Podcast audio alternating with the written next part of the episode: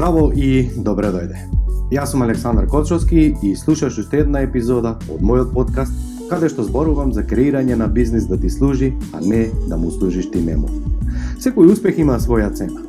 Една од цената која што треба да ја платиме за да изградиме успешен бизнис и живот е лична едукација, а тоа е што представува моја страст. Ќе зборуваме за двете битни, важни вештини кои што ќе ти требаат во 2023 година доколку сакаш да успееш, односно да го преобликуваш твојот бизнис и да забележиш поразлични резултати од минатата година и тие предходно.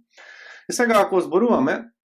кои се тие две штини и најчесто луѓето, обично кога имаме коучинг еден на еден или кога имаме а, тренинзи, обично очекуваат сега ја да извадам од джеп и да им кажам, е, овие две вештини треба да ги научиш, ова само терај и ти ќе успееш, немаш гајле. Но,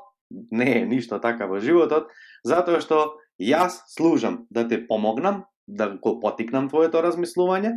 да ти ја проширам малку свеста, да размислиш на твојот бизнис од еден малку поинаку фагол, а ти ги имаш сите одговори кои што ти требаат, само во овој момент може би размислуваш на еден поинаков начин и токму затоа секогаш тврдам и најодговорно е по стоти пат повторувам дека секој еден човек си е доволен сам по себе, дека ги има сите знаења, сите вештини што му се потребни за да изгради фантастичен бизнис, но ние најчесто имаме мртов агол или слепило или точки кои што не ги гледаме и токму тоа е служи, нели, ова мое обраќање за да потикнеме да размислуваш на еден поинаков начин. Па Пајде да видиме што е тоа и кои се двете вештини. Ако заработаш, не знам, 10, 5, 3 години, не е битно. Ако имаш проблем со проток на нови клиенти, на свежи, на свежи клиенти, нови клиенти, тоа најчесто укажува дека немаш проблем со продажба, туку нешто недостасува во маркетингот и маркетингот е еден чекор пред а, продажбата. Втора работа, доколку маркетингот не ти е развиен, тоа значи дека уште еден чекор треба да се вратиш поназад, а тоа е да дефинираш твој идеален клиент, за идеален клиент веќе неколку пати зборував, но тоа значи дека и треба да размислиш да креираш или да ја разгледаш твојата неодолива понуда, да видиш дали можеш да ја подобриш, дали може да го стесниш тој пакет, да биде едноставен, едноставно разбирлив и на тој начин да ги подобриш нели предусловите за да може да следи во чекорот понатаму. Но денеска ќе се задржам на најважните, односно од моје искуство, често пати луѓето ми пишуваат како да ја развијам продажбата, како да дојдам до нови клиенти и се останато, и токму ќе се задржам ете на овие неколку битни работи. Пред се, треба да разграничиме неколку работи. Едно е, дали воопшто имаш веб страна, дали твојата веб страна е јасна, дали е двосмислена, тросмислена, дали едноставно наведува на она што ти е главната поента, дали содржи едноставен повик на акција или се измешал 3500 производи како што најчесто гледам и на крајот не само што јас сум збунет кога ја посетувам таа веб страница, иако ја знам материјата и се останато се обидувам да размислам од негов агол кога тој ја креирал или или некој му помогнал истото да го направи, често пати гледам конфузија и тоа е едно од најчестите проблеми кои што се случува во бизнисот каде што креираат масовни програми, каде што креираат масовни производи, а, услуги и сето тоа доведува до, до бунило. И од друга страна, веб страната не е за да продаде, веб страната не е за да ти кешира тебе пари, туку веб страната е само да каже збор 2, 3, 5, 10, низ кое она патешествие клиентот поминува, односно што е тоа што го интересира од негов агол, не од твој агол,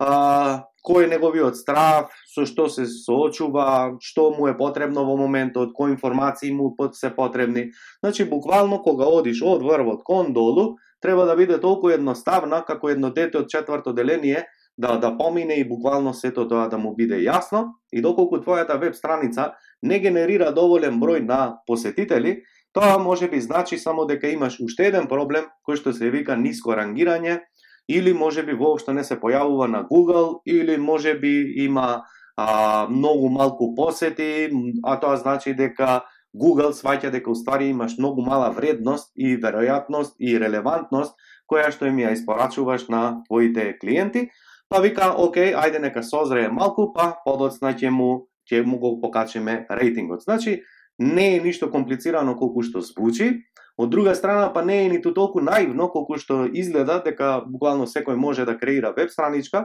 или буквално секој што малку разбира или го бидува на телефон или да постира некои слики, дека сето тоа може да го да го работи, оти маркетингот е исто така огромна наука, идентично исто како и сите други науки, ништо помалку значајна од хирург, ништо помалку значајна од автомеханичар, ништо помалку значајно од правник или било кој, значи секоја една професија си е идентично тешка, реално, оно колку што сакаш ти да ти продуцира резултати. Втора работа е, ако веќе имаш посетители на таа веб страничка, тоа значи треба да имаш метрика, односно јасни бројки, кои што ти покажуваат што се случува со овие луѓе, колку се задржуваат, што гледаат, што читаат, што прегледуваат, каде исчезнуваат, на што највеќе трошат време, што се случува кога ќе помине од еден дел на друг дел, дали ти остава податоци или не, на што подоцна ако ти остави податоци. Значи, буквално е цела наука, една е, што се треба да содржи една веб страничка, а најчесто луѓето мислат, аха, еве имам веб страна сега, и подоцна нема доверба во, во таковиот вид на, на, на, на маркетинг, затоа што мислат дека е, они ја сработале задачата, еве имам веб страничка, ете се трудам, ставам слики, видеа, не знам што, но ете, во Македонија ова не успева, но јас ти трудам од прво од лични причини, дека сето тоа функционира, од лично искуство, односно не од лични причини, а секако дека и постојат луѓе кои што тоа професионално си го работат и те како знаат. Значи, една бројка која што треба да ја следиш е колку имаш посети, дали таа бројка расте или не расте, Таа бројка може да укаже на две работи, а тоа е дали бројката расте како посетители и втора работа колку е таа релевантна публика. Оти ако продаваш спортска опрема, конкретно да кажеме, еве не знам, а, тениски рекети или рекети за тенис, ајде, не е се исто дали ќе ти дојдат на таа страница луѓе кои што се користат рекети за аматерска употреба,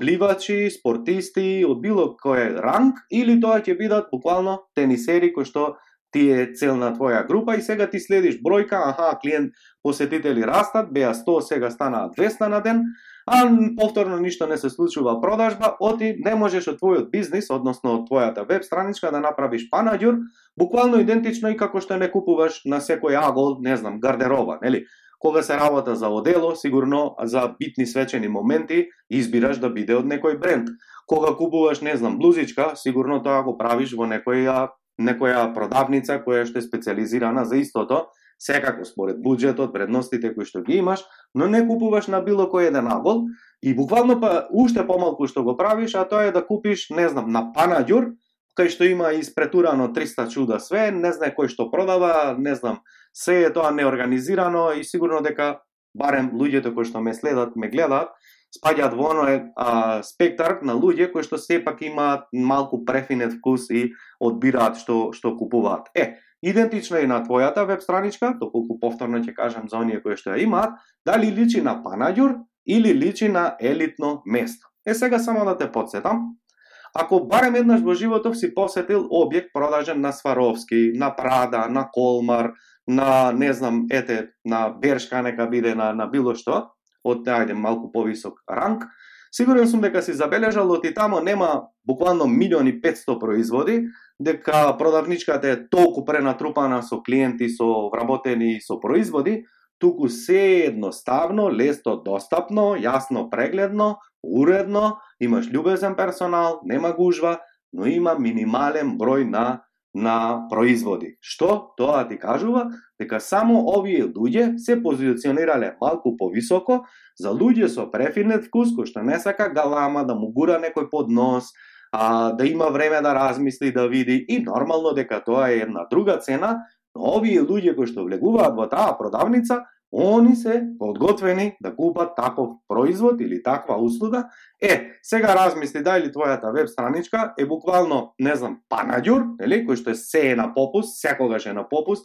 никогаш не се знае кога тој попуст е прво реален, а второ кога завршува, и имаш ностоп ценкање, нервоза и се останато, а ти направи парафраза со твојот бизнис, оти не можам сите бизниси од еднаш да ги опфатам, само давам метафори за да те потикнам да видиш кои две вештини ти се важни, И втора работа, дали на твојата веб страна имаш еден или два минимално производи или услуги и ласерски поминуваш низ мислите на кои што клиентот бара и пребарува информации на начин на кој што он размислува, а не е ти или програмерот или оној внукти што ја правил страната, махер што е нели од шесто деление, а не на таков начин да изгледа сликовито, се нешто да следка, да трепка, да се движи, нели сето тоа да биде интересно за око, арно ама да не конвертира, односно да немаш затворени клиенти.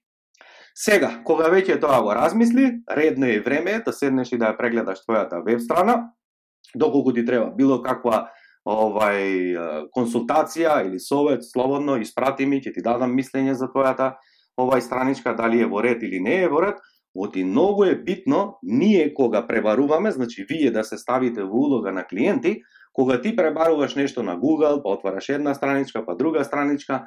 кој е патот, седни ти, запиши го сега, кој е тој патот кој што го поминуваш ти и како размислуваш како клиент кога пребаруваш нешто, се до моментот кога сакаш да го отврзеш кесето и некому да му платиш. Зашто ти размислуваш? Што сакаш да ти биде горе, што лево, што десно, што погоре, кои информации ти се битни, дали тоа е доверба, дали е страв, дали е сигурност, дали е тоа гаранција, дали што е. Е, се она што ти го размислуваш, по редослед и начин на кој што ти го размислуваш, така треба да изгледа и структурирана твојата веб страничка. Сега, кога расчистивме што е веб страничка и како треба да изгледа, кога расчистивме дека секоја бројка не е релевантна, од тип спортисти е едно, тенисери е друго, тенисери за А класа е друго, на АТП листа е трето, значи се зависи како ќе го прои, овај позиционираш твојот бренд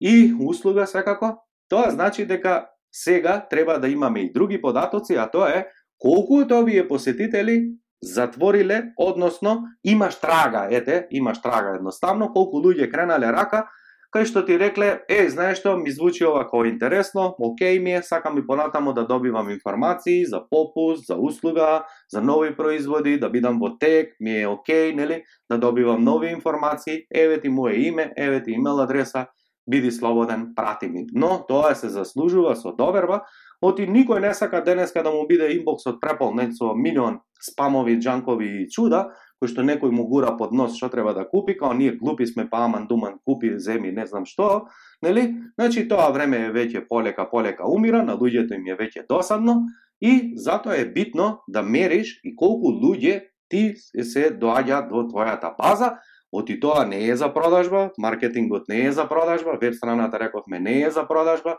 веб сајтот рековме дека не е панаѓор, веб сајтот рековме дека не е гурање под нос, туку тоа е само една привремена доверба која што некој ти рекол, еј, окей, тука сум,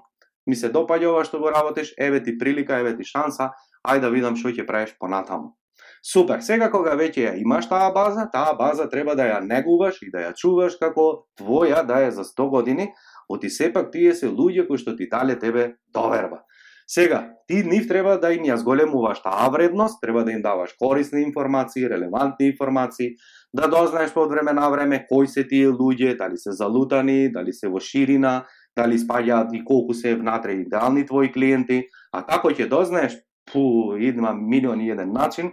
дали преку анкета, дали ќе направиш вебинар, дали ќе направиш истражување, дали ќе им пуштиш мејл да кликнат, да одбележат нешто преку квиз, преку што и да е луѓето кога нешто им сметаат дека им е корисно, дека им е вредно, немаат никаков проблем да одвојат минутка или две или еден час од нивното време за да ти помогнат, нели, односно да си помогнете едни со други да си се разберете. Значи и таа бројка е многу битна да ја следиш и понатаму најпрво да имаш трпение, да имаат они доверба во тебе, да видат дека функционираш како што треба, сакаат да видат и потврда дека она што го работиш е окей, да видат и другите дали имаат резултати или нема, и значи подоцна, кога ќе го поминат целиот тој пат, на крајот и нешто ќе можеш да им продадеш, односно да им ја презентираш твојата услуга, твојот производ и се останато.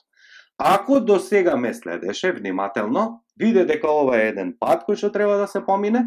Од друга страна, сето тоа значи добра визуализација, добра организација, добра структура, предходно сработени задачи. И сега, кои вештини тебе ти треба во овие, до овој дел за 2023 година? Дали тоа значи дека ти треба вештина како да го еднаш конечно дефинираш твојот идеален клиент? Дали пукаш у ширина, па трошиш муниција кол Путин сега на секоја страна, или имаш еден куршум, еден зајак и не трошиш енергија, туку имаш супер соработка со клиент. Значи, може би ќе ти треба вештина да научиш кои се клучни бројки да ги следиш. Може би ќе ти бар треба вештина да совладаш, а тоа е како да бесплатно или платено или како и да е, значи или плаќаш во време или во пари, нема друга валута на светов. Ако имаш пари, плаќаш спонзорирани објави, користиш лик магнети или како и да е. Ако немаш пари, коментовај, споделуваш, исподелуваш, снимаш, зборуваш, постираш, пишуваш тестови, текстови или што и да е, што значи создаваш корисни содржини, корисни информации, а тоа може би значи дека треба да развиеш неколку вештини сега. Дали е тоа јавен говор, дали е јавен настап, дали е пишување, дали е тоа, не знам, сликање, сето зависи од она што ти сметаш дека ти е окей за да ти донесе нова вредност. Може би тоа ќе значи, не знам, нова вештина, а тоа е како да го презентираш твојот бизнис или производ услуга пред маса, пред повеќе луѓе, што се вика вебинар, семинар или како и да е. Може би тоа ќе биде вештина како да држиш состанок еден на еден, може би ќе научиш како подобро да ги слушаш луѓето, од едно е да ги слушнеш, друго е да ги сватиш. Значи сега доволно дадовме во ширина да размислиш барем за една вештина која што од сето ова треба да ги совладаш. Следно, а тоа е продажбата, нели? Рековме маркетинг, рековме продажба, оти тие се неколку клучни работи за дали нашиот бизнис ќе скалира, дали на крајот на денот ќе заработаме повеќе пари или ќе забележиме уште една просечна година, гледаме како другите напредуваат, а ние едноставно а, стоиме во место, назадуваме или како сакаш. Кога зборуваме за продажбата, голем дел од луѓето ја сметаат како нешто едноставно, како некои имаат и предрасуди, јас неќам да гурам, јас не можам да молам, ја не можам да убедувам, а тоа е се се должи на уствари на верувања кои што ги имаме за продажбата, И тоа е секако дека е така кога толку многу постојат аматери во продажбата, кој стигна продава нешто, се труди да се снајде, да заработи и тоа ми е сосема во ред, но едно е ти да да да да да работиш буквално како што треба професионално да се однесуваш како продавач, А сосема е друго да им гураш под нос на луѓето, аман купи купи. Па еве сега ќе ти дадам еден пример да видиш дали уствари е тоа едноставно, дали е тешко или е пак само една вештина која што со а, правилна вежба, континуирана, нели, малку храброст за сето тоа да функционира и дали тоа може да се а, унапреди или едноставно ти не си роден за продавање или за молење. Хајде прво да расчистиме една работа, а тоа дека продажбата уствари не е молење, не е малтретирање, не е зборење и не е убедување. Сега, ако нешто од ова мразиш, супер е, на вистинско место си и мене ми се повраќа кога некој ми гура под нос. Еве ти една метафора да видиш како се служи нашиот мозок и зошто мразиме кога некој ни упорно ни збори нешто на телефон, во живо или како и да, и зошто тоа го мразиме, односно зошто не сакаме некој со зорт нешто да ни прави.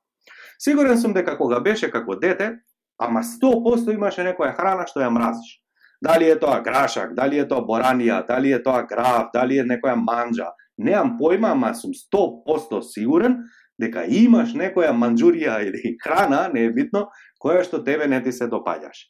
Е сега, пошто таткото и мајка ти сигурно дека се слаби продавачи, го забележувам тоа нонстоп, Дури има продавачи кои што се професионалци и супер се однесуваат на пазар, но слабо продаваат дома, а тоа се вика здрава храна на своите деца. Е сега, што прават најчесто родителите, нашите, твоите, сите? Касни синко од ова, од ова се расте, па мама цел ден два часа правеше, па имав 3500 обавези по кресето тоа правев ручек, па види купив све свежо од пазар, па јас не сум како а, мајката на трпана на перса, на ѓурѓа, на трпана, ние се храниме здраво, па види го брат ти, шубо расте он, он дека јаде од ова манџава ти не јадеш, па полне со витамини, со протеини, па сето тоа е супер, и сум сигурен, колку повеќе ти збори таткот или мајка ти за ова, поготово мајките, ама бе, брате мој, ама толку не можеш да поднесеш таа манџата, И сега што прави мајката? Прво пробува со арно, нели? Имаме морков или или стап, нели? ајде скасни од ова, јади, па ако јадеш, мама ќе ти даде благо, ќе ти даде чоколадо, ќе ти даде на телефон да си играш, ќе ти пуштим цртан, ќе те прошетам, ќе возиш велосипед, ќе можеш ова, значи пробуеме сварно. И после нормално ако не ќе, што прави мајката, ќе и дојде притисокот 200, така, оти она се малчела, а детето одбива, а и она и знае колку е важно за неговото здравје да ја конзумира таа храна, И што прави најчесто мајката? Па ти не си нормален, па мајка е цел ден овако праеше, па за кого ја работам, па за ова ли ќе правам ручек, само ако не си за. Е, пробај да не јадеш. Е, само не јади. И телефон ќе ти исклучим, и мобилен ќе ти исклучим, и телефон, и компјутерот у соба, и точакот ќе ти го заклучим, и компјутерот ќе ти го земем, и не знам, 3500 работи. Значи, што у моментот сме направиле? Не може соарно примени сила, односно, едноставно закана. Така, каква порука му праќаме на детето? А тоа е нема право на избор. Мора да готнеш се што ти, ти се сервира. Подоцна тоа дете, ти што ме гледаш, дедо ти, татко ти, син ти, внук ти, сите што поминуваме ни се еден ваков несвесен дел, оти никој родител не му мисли лошо на своето дете, само не научил продажба, како да му продаде ова ручеков здрав, нели? А Кока-кола, пошто знае како се продава тоа, нели, нормално Кока-кола е перфектно здрав пијалак, пошто има фантастичен маркетинг, ти споредуваат или си ваков или ако не пиеш не си добар, и ти пиеш Кока-кола, ама баба ти прави супер топ цедени сокови здрави, ама не знае да ти ги продаде, оти или на силом или милом, нели? Супер. Сега, колку поиќе тебе ти ја гура таа манџа под нос мајка ти или татко ти или небитно баба ти, толку тебе, ама душава ти ја неќе таа манџа и јас сум сигурен дека може би и цел живот нема да пробаш такво нешто. Така? Но дали завршува само со манџата или ти веќе си добил метафора дека кога нешто ти се гура под нос, а ти бегаш од тоа. И сега замисли ја проаѓам, не знам, еве, покрај тебе ти си у кафич, ја ти викам часовник, очила, 3 за 100, чарапи, така, тоа е една верзија, најкилавата. Втората верзија е си влегол Дудуќан, добар ден, како може да ви помогнеме, ти уште не знаеш кај си, што си, немаш време да се адаптираш, така, ама пошто никој не се едуцира, ги донеле од улица, ај продавај, така? И што прават они, нели? Е, ова ни е на попуст, ова ни е супер, сите вакви земат, работаш? У о, цела општина земат овие зелениве, многу ти се фини, гледам со зеленови кондурчињава ќе ти се сопаѓа, све е супер, што прави оваа продавачка несвесно, ти ја гура боранијата или грашакот под нос. Што тебе ти се случува во моментот, одма ти се повраќа. Ниту ја слушаш, ниту ја перцепираш, туку само гледаш како побрзо да побегнеш од тој одговор. Така е, нели? Значи, тоа не е продажба. Продажба, брате мој, е следна работа, која што се вика. Ај да видам што те боли. Ај да видам дали можам да ти помогнам ај да видам, знам дека ти живееш у свој свет, ја у свој свет, ама ајде да ти поставам радознал како дете прашања и како поставуваат децата прашања. Што и да постави прашања, он има уште 200 подпрашања, нели? Децата се упорни, ние родителите не, но децата се радознали и немаат предрасуди, дали ќе се осрамат, дали многу прашувале, а што прават продавачите? Све прават, само не поставуваат прашања затоа што он или она она предперцепирала што е најдобро за тебе. Значи, ја не знам уопште што тебе ти треба, а се осудувам да нешто ти продавам. И тоа се вика аматерска продажба. Значи, продажбата е многу едноставна, кога ќе научиш едноставно да зборуваш со луѓето. Што ти треба, што користиш, што си лично, колку време ти трае тој проблем, што до сега се случува, а дали ти е хитно, сакаш одма да го решиш проблемот или не, ако се работи за гардероба, која ти е омилена боја, што сакаш да вклопиш, што имаш дома во моментот, или како и да е. Значи, многу е едноставно, ако сакаш на човекот да му помогнеш, ако сакаш да му ја гурнеш боранијата под нос, затоа што така те научиле, најверојатно, односно на крајот, ќе имаш 100 посети, поминуваат луѓето, а продажба нема. Е, идентичната оваа метафора се случува и на веб страничка, и во продажен објектет, на продажен разговор, буквално се случува на идентичен начин. Зошто се случува на идентичен начин? Затоа што луѓето мешаат кога се продава, кога се презентира, што е маркетинг, до каде е маркетинг, што значи фаза на диагноза, а што значи на нудење решение. Ете, се надевам дека доволно ти дадов информации, да седнеш и да размислиш кој од сето ова вештини ќе ти требаат за 2023 и бидејќи се брзам, во 8 часот точно се вклучувам со Mastermind групата, правиме прв тренинг за оваа година, од, од, од, од оваа година, и сакам да те оставам со следна мисла, а тоа е кои две вештини ќе се фокусираш за цела 2023 година? Што прават богатите, паметните предприемачи? Он не фантазира дека треба да научи 5000 работи или најмалку тоа дека треба да чита психологија на успех. Значи, тоа е, не знам, помодарство и у психологија на успех ти бизнис не можеш да направиш, освен ако не си психолог, па сакаш малку да навлезеш у таа тематика. Значи, Ако се бавиш со продажба, научи нешто за продажба. Што? Отварање, поставување прашања, разговор, диагностика, конвертирање, договор, преддоговор. Што конкретно од таа област? Купи 53 книги, све што ќе најдеш за продажба за оваа година и оваа година те молим, посвети се само на продажба. Што конкретно од продажба? Ако е за маркетинг, што од се ова што ти кажа, што конкретно за маркетинг, не у ширина, 500 семинари, 500 книги, 500 тренинзи, све испоизмешано. Не, не, не, не. Само две вештини за годинава и тоа ти е сосема доволно. Ти благодарам што одвои време да ме слушаш на овој подкаст. Доколку сакаш да соработуваш со мене, Најдоброто место е да се информираш за актуелните понуди е www.aleksandarkochovski.com и секако немој да заборавиш да се претплатиш на мојот ньюслетер, каде што исто споделувам бесплатни информации и навремено ќе дознаеш за сите бесплатни онлайн тренинзи.